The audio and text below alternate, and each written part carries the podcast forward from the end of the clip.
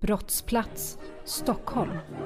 I början av 30-talet är Lido på Kungsgatan lite av ett inneställe i Stockholm. Kändisar och diplomater går till restaurangen som har mörka möbler, tavlor med förgyllda ramar och modellfartyg hängande ner från taket. Stället har dock ett stort minus. Det serverar inte vin och öl. Av någon anledning har paret som driver Lido, Kurt och Anna Haijby, inte lyckats få utskänkningstillstånd. Vad gästerna inte vet är att Kurt Haijby inte alltid har hetat så. Han har ett förflutet som bedragare. Han är dömd för stölder och förfalskningar och till och med för att ha dödat en polis. När Haijby söker upp Torsten Notin som är överståthållare, det högsta civila ämbetet i Stockholms stad, överväger denne aldrig att bifalla ansökan. Personer som Kurt Haijby ska inte servera sprit. Notin blir därför minst sagt förvånad när det kommer en uppmaning att visst ge Lido alkoholtillstånd och det från ingen mindre än landets kung.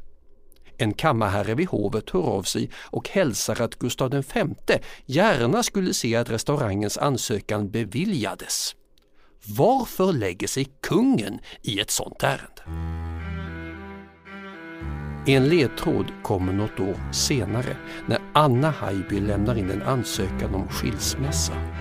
Som orsak anger hon att hennes man har varit otrogen med Gustav V. Du lyssnar på Harrisons historiska brott, en podcast från Svenska Dagbladet.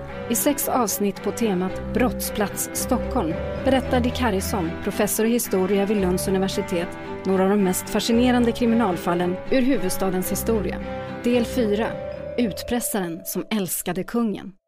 Föreställ dig att du bär på en hemlighet. Du kan inte göra något åt den. Den ligger där pockande, molande och verkande och olaglig. Låt oss till exempel säga att du lever på 1930-talet och du är homosexuell. Svenska Dagbladet 1934. Ty all erfarenhet bekräftar att homosexualitet icke blott är socialt värdelöst, utan medför svåra lidanden och konflikter för individerna. Svenska Dagbladet 1935. Inga fängelsestraff för sexuellt abnorma. Medicinalstyrelsen förordar inlagande på sinnessjukhus. Svenska Dagbladet 1936. Hans huvudtes är att neurotiska, förvridna, livsodugliga människor alltid Även i fall av homosexualitet och dylikt, för sitt olyckliga tillstånd har att tacka en förvänd uppfostran och ett disharmoniskt hemliv under barndomen. Föreställ dig sen att någon får kännedom om din hemlighet. Vad händer? I 99 fall av 100 är antagligen svaret det händer inte så mycket. Om ditt brott inte har lett till något ont. Dina nära och kära kanske tycker synd om dig, kanske försöker förstå varför du gjort som du gjort. De skyddar dig. Men en av hundra är inte som dem, en av hundra är en utpressare. Historien om Kurt Haijby är en av den svenska historiens allra mest osannolika skandaler. Den innehåller ett par som utpressar hovet på vad som i dagens penningvärde skulle motsvara nästan 8 miljoner kronor myndigheter som försöker bli kvitt en obekväm röst genom att lägga in honom på mentalsjukhus och en av Sveriges mest berömda författare som stjäl dokument från justitiekanslern. Men den börjar, enligt Haijbys egen version, med en majblomma. Kurt Haijby föds som Kurt Johansson 1897 i Stockholm. Han är son till en fisk och vinhandlare i Gamla stan. Som barn får han ibland springa till slottet och leverera varor från pappas butik. En gång när han är 14 år kommer han och två av hans vänner från scouterna dit för att sälja majblommor. De tre pojkarna får träffa självaste kung Gustav V som köper tre kransar. Och det som sen händer, eller inte händer, beroende på vem man tror på, ska komma att spela en helt avgörande roll för Kurts liv fast först långt senare. I övre tonåren går Kurt till sjöss och tar tjänst som uppassare på ångfartyg. Sen flyttar han runt och växlar jobb ofta. Han arbetar på kontor och som ordningsvakt. Han försöker bli skådespelare och trollerikonstnär. Han reser till Frankrike, går med i Främlingslegionen och skickas till Algeriet men blir sjuk och skickas hem. Framförallt utökar han dock sina magra inkomster inom diverse brottsliga affärer. Han brukar utge sig för att vara greve och heta Kurt Hamilton. Han bär Kungliga Automobilklubbens märke på mössan trots att han inte är medlem där. Under 1910 och 1920-talen grips han upprepade gånger för stöld och förfalskning och döms till straffarbete. Riktigt illa går det 1923 när han blir gripen för att ha förfalskat en namnteckning i Göteborg. Han försöker rymma från polisstationen, en konstapel hejdar honom och i tumultet går Kurts revolver av. Polisen träffas i pannan, avlider och Kurt döms för grovt vållande till annans död. När han blir fri vill han börja om. Han byter namn till Haijby och flyttar tillbaka till Stockholm. Han öppnar en inomhusbana för minigolf på Sveavägen och vägg i vägg ligger ett konditori som drivs av en Anna Holmberg. Anna är tio år äldre än Kurt och hon är änka. 1931 gifte de sig. Året därpå öppnade de tillsammans Lido på Kungsgatan 15, ett stenkast från Stureplan. Sannolikt syftar äktenskapet framförallt till att skapa en social och ekonomisk nisch. Åtminstone sexuellt sett är Kurt Haijby nämligen snarare intresserad av män, i synnerhet yngre män. Men det är förstås ingenting han kan tala högt om. Acceptansen för homosexualitet är, med historiska mått mätt, en extremt ung företeelse. Många av äldre tiders makthavare trodde på fullt allvar att folk och länder skulle drabbas av högre makters vrede om de lät homosexuella leva ut sin sexualitet. Som när Gud lät eld och svavel regna över Sodom och Gomorra. Faktum är att en av Sveriges äldsta bevarade texter, runingsskriften på den blekingska Björketorpsstenen, innehåller ett homosexhot. Den som bryter platsens helgd ska drabbas av vad som kallas argiu, det vill säga feghet och sexuell onaturlighet. Den man som var arga, eller ergir, påtog sig kvinnans roll i ett homosexuellt samlag. Skamligare kunde det knappast bli i det fornnordiska machosamhället. År 1608 blev det även brottsligt att utöva homosexualitet. För den som blev påkommen väntade döden. Om han var man alltså. Eftersom allt fokus var riktat på penetration brydde sig lagen inte om lesbiska kvinnor. Hotet om dödsstraff kvarstod ända till 1864 då straffet mildrades till högst två års straffarbete. En metod som började brukas för att bota homosexualitet var elchocker.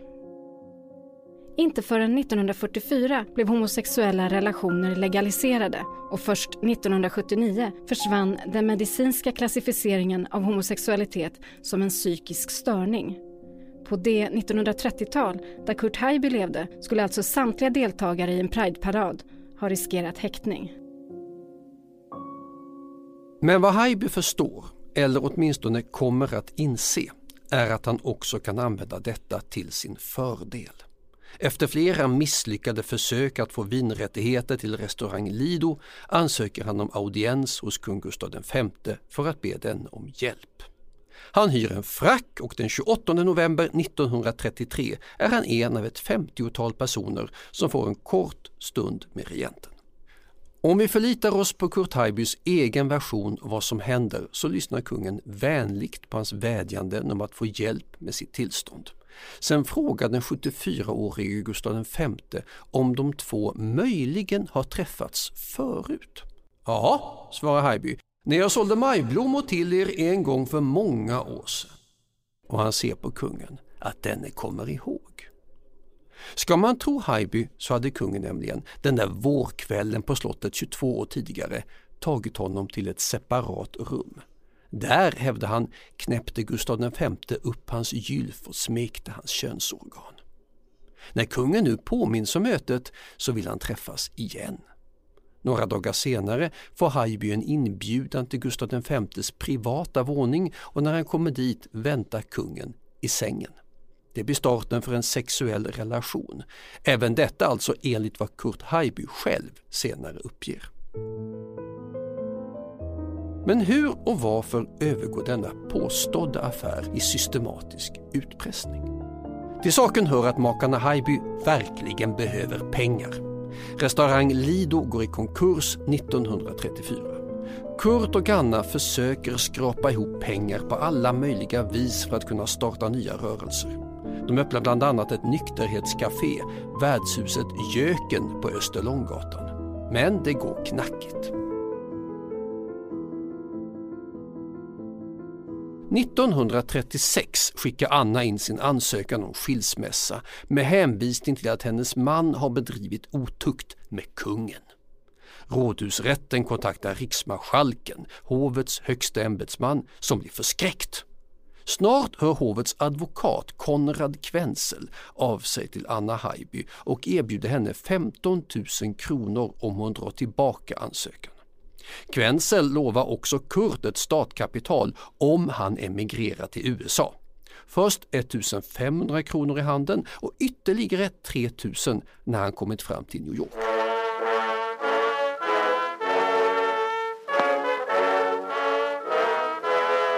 Rent formellt är det alltså inte paret Haijby utan hovet som tar initiativ till denna utbetalning av pengar. Allt vi vet talar dock för att Kurt och Anna egentligen aldrig har någon tanke på att skilja sig, att hennes ansökan bara är en till skilsmässa förklädd utpressning. Och hovets eftergivenhet visar att metoden fungerar utmärkt. Det tar bara några månader sedan är Kurt tillbaka från USA. Han söker upp Kvensel, förklarar hur historien med kungen har förstört hans äktenskap och liv och argumenterar för att han behöver ytterligare pengar för att komma på fötter. Hovet anses inte ha något val och Haijby återkommer gång på gång. Han får pengar till att köpa en kaffehandel på Sveavägen, en sommarstuga i Nacka, en villa i Södra Ängby och en Cadillac och till att skaffa tillbaka Lido och den här gången får han utskänkningstillstånd. Så småningom lyckas han dessutom tjata till sig hela 40 000 kronor, långt över en miljon i dagens penningvärde, för att hyra, renovera och möblera upp det gamla slottet Trystorp i Närke, som man har en idé om att driva som pensionat. Man kan fråga sig varför hovet låter sig utpressas av en bedragare. En bedragare som dessutom påstår något så absurt som att han har varit älskare till landets kung. Men nu är det inte vilken kung som helst.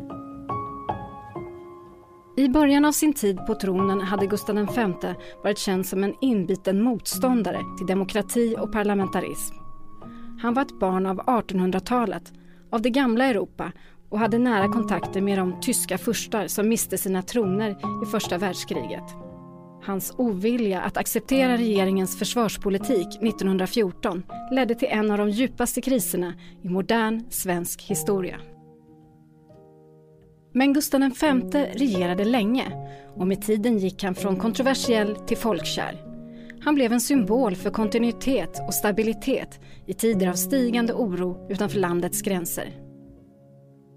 I efterhand har han emellertid också blivit ihågkommen för sina homosexuella tendenser och vad många menar var en benägenhet att göra ovälkomna närmanden. Att kungen på gamla dagar var, låt oss kalla det klåfingrig mot unga män, var ingen statshemlighet. Skriver till exempel Svenska Dagbladets tidigare chefredaktör Gustaf von Platen i sin bok Bakom den gyllene fasaden som handlar om Gustav Vs komplicerade relation med sin fru, drottning Victoria. Och handelsområdet Kungens Kurva söder om Stockholm kallas just så för att Gustav Vs Karlak körde i diket där i september 1946 på väg hem från en jakt på Tullgarns slott. Enligt ett påstridigt rykte ska olyckan ha framkallats av att regenten tafsade på sin chaufför. Betyder detta att Kurt Haijby talar sanning? Att han verkligen har varit kungens älskare? Nej, inte nödvändigtvis. Vad som verkligen hänt mellan honom och kungen är okänt och lär så förbli. Kurt Haijby är ju en skojare och mytoman och alla vittnesmål om relationen kommer från honom själv. När de två andra pojkscouterna långt senare förhörs om sitt besök på slottet 1912 hävdar de att de var tillsammans med Kurt hela tiden och att kungen omöjligt kan ha försvunnit iväg ensam med honom. Men samtidigt attesteras utbetalningarna till paret Haijby av Hans Majestät själv. Hovadvokaten Kvensel kommer senare att vittna om att kungen säger att Haijby inte får lämnas i sticket. Kanske spelar det ingen roll om affären har ägt rum eller inte. Vad Kurt Haijby begriper är ju hur mycket kungen har att förlora.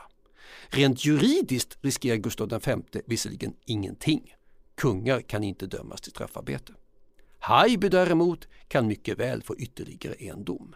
Men medan Haijby inte har så värst mycket prestige att mista skulle kungen kunna bli av med hela svenska folkets respekt och kärlek om den påstådda relationen kommer ut.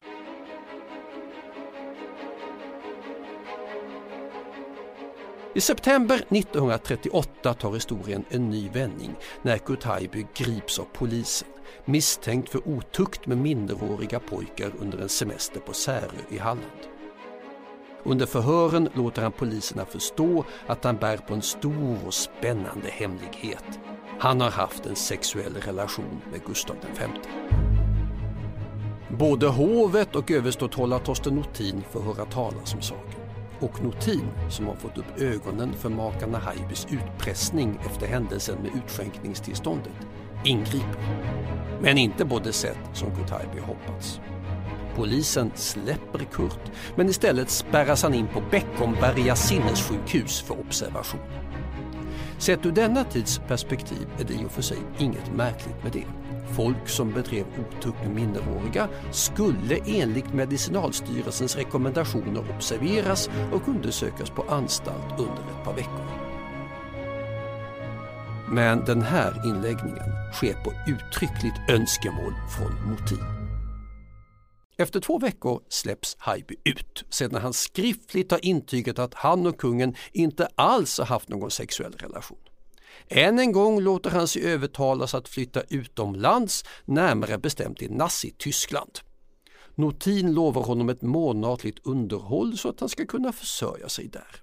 I mellandagarna julen 1938 åker han till Adolf Hitlers tredje rike.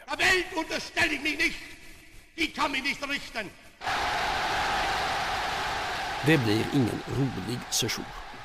Det dröjer inte länge förrän också den tyska polisen griper Haijby för otukt med pojkar. 1939 anfaller Tyskland Polen och startar andra världskriget. Under tiden sitter Kurt Haijby i tyskt fängelse. Gestapo hör till och med av sig till de svenska polismyndigheterna med frågan om de vill att svensken ska sättas i koncentrationsläger. Vad polisen svarar är oklart men erbjudandet verkställs aldrig.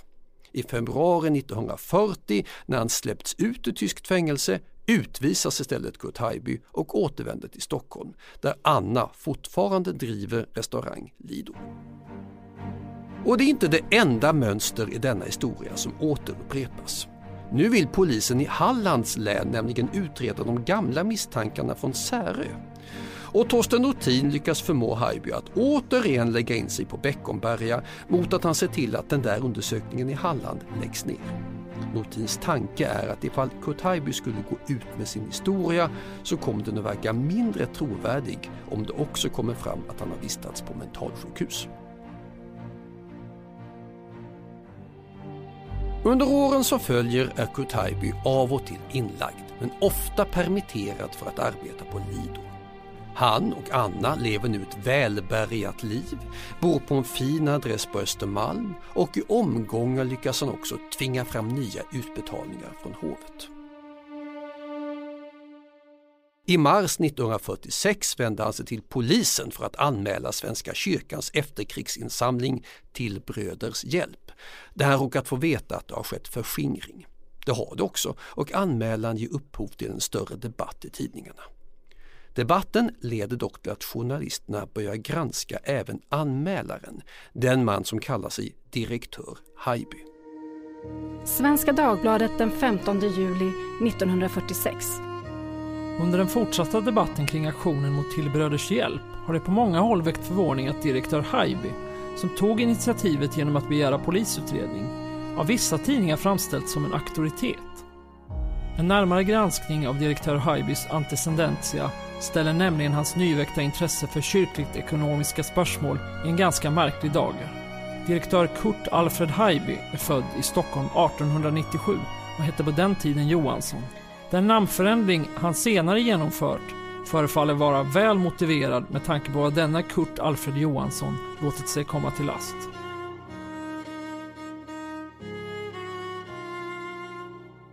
Efter artikeln, som återger hela hans brottsliga bana, vill Kurt Haijby inte visa sig bland gästerna på Lido något mer.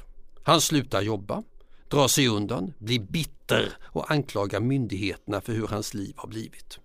Och han har en ny plan. Han skriver en nyckelroman, Patrik Kajson går igen. Den handlar om hans liv och hans affär med Sveriges regent. Gamle såg glad ut och klappade hjärtligt om mig. Så snällt av dig Patrik att du tänkte på mig och kom, sa han. Ta av dig, min vän. Mycket mera blev inte sagt. Återigen kom där i dunklet en stor hemligstämpel över det som förehades. Boken trycks hösten 1947. Torsten Notin och hovet kontaktar justitieminister Herman Zetterberg och frågar om det på något sätt går att stoppa spridningen av boken. Snart ligger den på Tage Erlanders bord. Han läser romanen som han finner trist och svårsmält. Långt senare ska statsministern dra sig till minnes att inrikesminister Eje Mossberg inleder de följande regeringsförhandlingarna med orden ”Konungen är homosexuell” varpå finansminister Ernst Wigforss kontrar med ”Vid hans ålder, så vital”. Både Erlander och Notin råder hovet att väcka åtal mot Haijby för utpressning. Men på slottet vill man fortfarande undvika skandal. Regeringen kommer fram till att romanen inte heller går att stoppa. Den innehåller ingenting som legitimerar åtal eller beslag. Istället köper polisen upp hela upplagan och lagrar den i polishuset på Kungsholmen. Kriminalpolischefen, som efter alla turer blivit väl bekant med paret Haijby, har i hemlighet fått hälften av pengarna för köpet från Anna Haijby. Hon är nämligen orolig för Kurts psykiska hälsa och vill inte att boken ska ges ut. Därefter är det lugnt i några år, tills Gustav V dör och skandalen exploderar. Svenska Dagbladet den 28 juni 1952. Haijby-affären fick på fredagen en sensationell utveckling. Direktör Haijby anhölls på fredag förmiddagen på riksåklagaren Mats Hojmans ämbetsrum sedan denne beslutat väcka åtal mot Haijby för utpressning. Svenska Dagbladet den 5 juli 1952. Det blev omedelbart hemliga förhandlingar då målet mot direktör Kurt Haijby, som åtalas för utpressning mot hovet, inleddes på fredagen i Stockholms rådhusrätt. Handläggningen pågick i omkring sex timmar och vid förhandlingarnas slut meddelade rätten öppet beslut om att Haijby förklarats häktad på sannolika skäl misstänkt för utpressning och då man kan befara att han annars avviker. Svenska Dagbladet den 22 februari 1953. Höltzgen hade hört Haijby ringa upp advokat Kventzel och säga “Imorgon fyller jag år. Här sitter jag och ingen bryr sig om mig. Jag vill ha 10 000 kronor. Får jag inte det låter jag bomben springa. Svenska Dagbladet den 31 maj 1952. Observationen som varade ungefär två veckor gav till resultat att Haijby företrädde vissa symptom av konstitutionell psykopati samt nervösa rubbningar, men icke var i vanlig mening sinnessjuk. Han utskrevs därefter från sinnessjukhuset. Svenska Dagbladet den 22 februari 1953. En gång hade Haijby sagt till Höltzgen varför är du så dum och sliter och trälar? De betalar nog dig lika mycket som mig för din tystnad.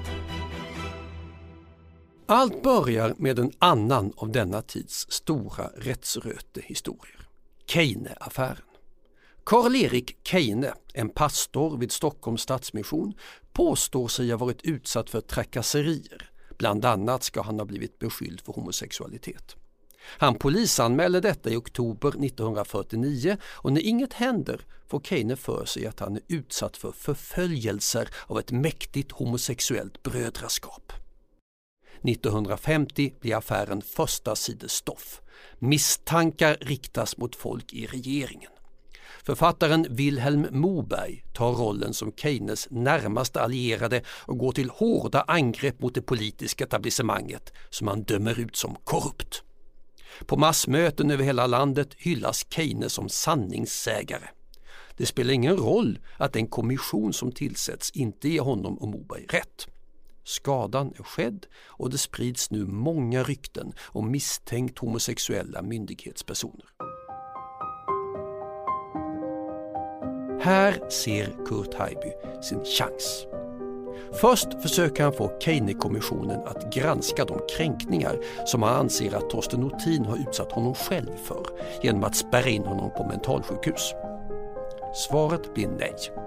Då går han till regeringen och sen vidare till justitiekanslern. Resultatet av JKs utredning blir inte vad Haijby förväntat sig. JK slår fast att ingen ämbetsman kan åtalas för det Haijby påstår. Däremot framkommer otvetydiga bevis på att han själv har utpressat hovet. 1952 inleds en förundersökning mot Kurt Haijby. När Haijby-affären kulminerar är den en nationell angelägenhet av sällan skådat slag. Än en gång blandar sig Vilhelm Moberg i.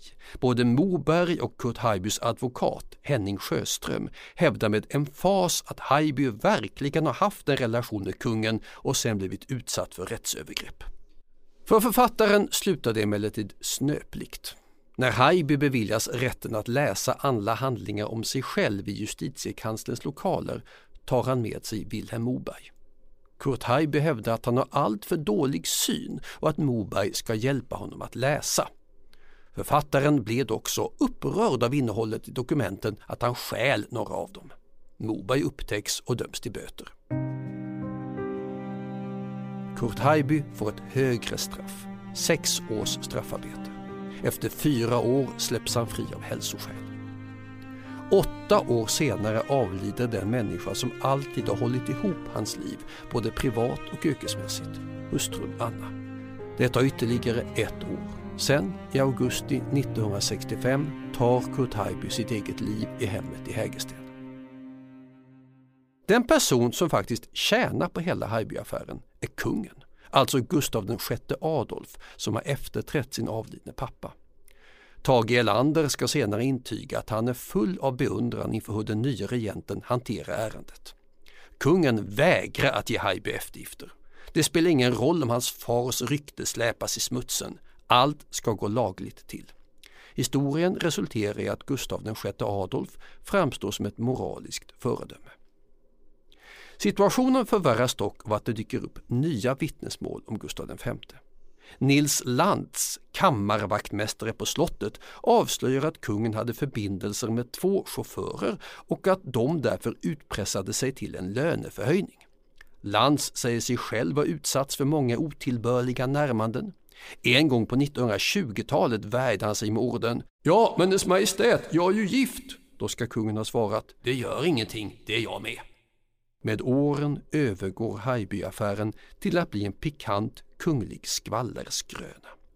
Men varken Tage Erlander eller hans ministrar kan låta bli att grubbla vidare över fallet. Talade Haijby sanning när han hävdade att han haft sex med Gustav V? Den 12 februari 1953 antecknar Erlander i sin dagbok att finansminister Per Edvin Sköld under en lunch har sagt att allt säkert bara var lögn. Kungen kunde ju få allt han ville ha, inte skulle han då välja en skojare som Haijby. Eller skulle han det? När Vilhelm Moberg besökte fängelset och gjorde en intervju med Kurt Haijby sa den dömde utpressaren. I grundlagen står det att man ska hålla konungen i helgd och vörda och älska honom. Ingen har älskat konungen högre än jag. Du har lyssnat på Harrisons historiska brott med Dick Harrison, en podcast från Svenska Dagbladet. Producent är Klara Wallin, Adam Svanell är redaktör. Ansvarig utgivare är Anna Kareborg och jag heter Eva Johannesson.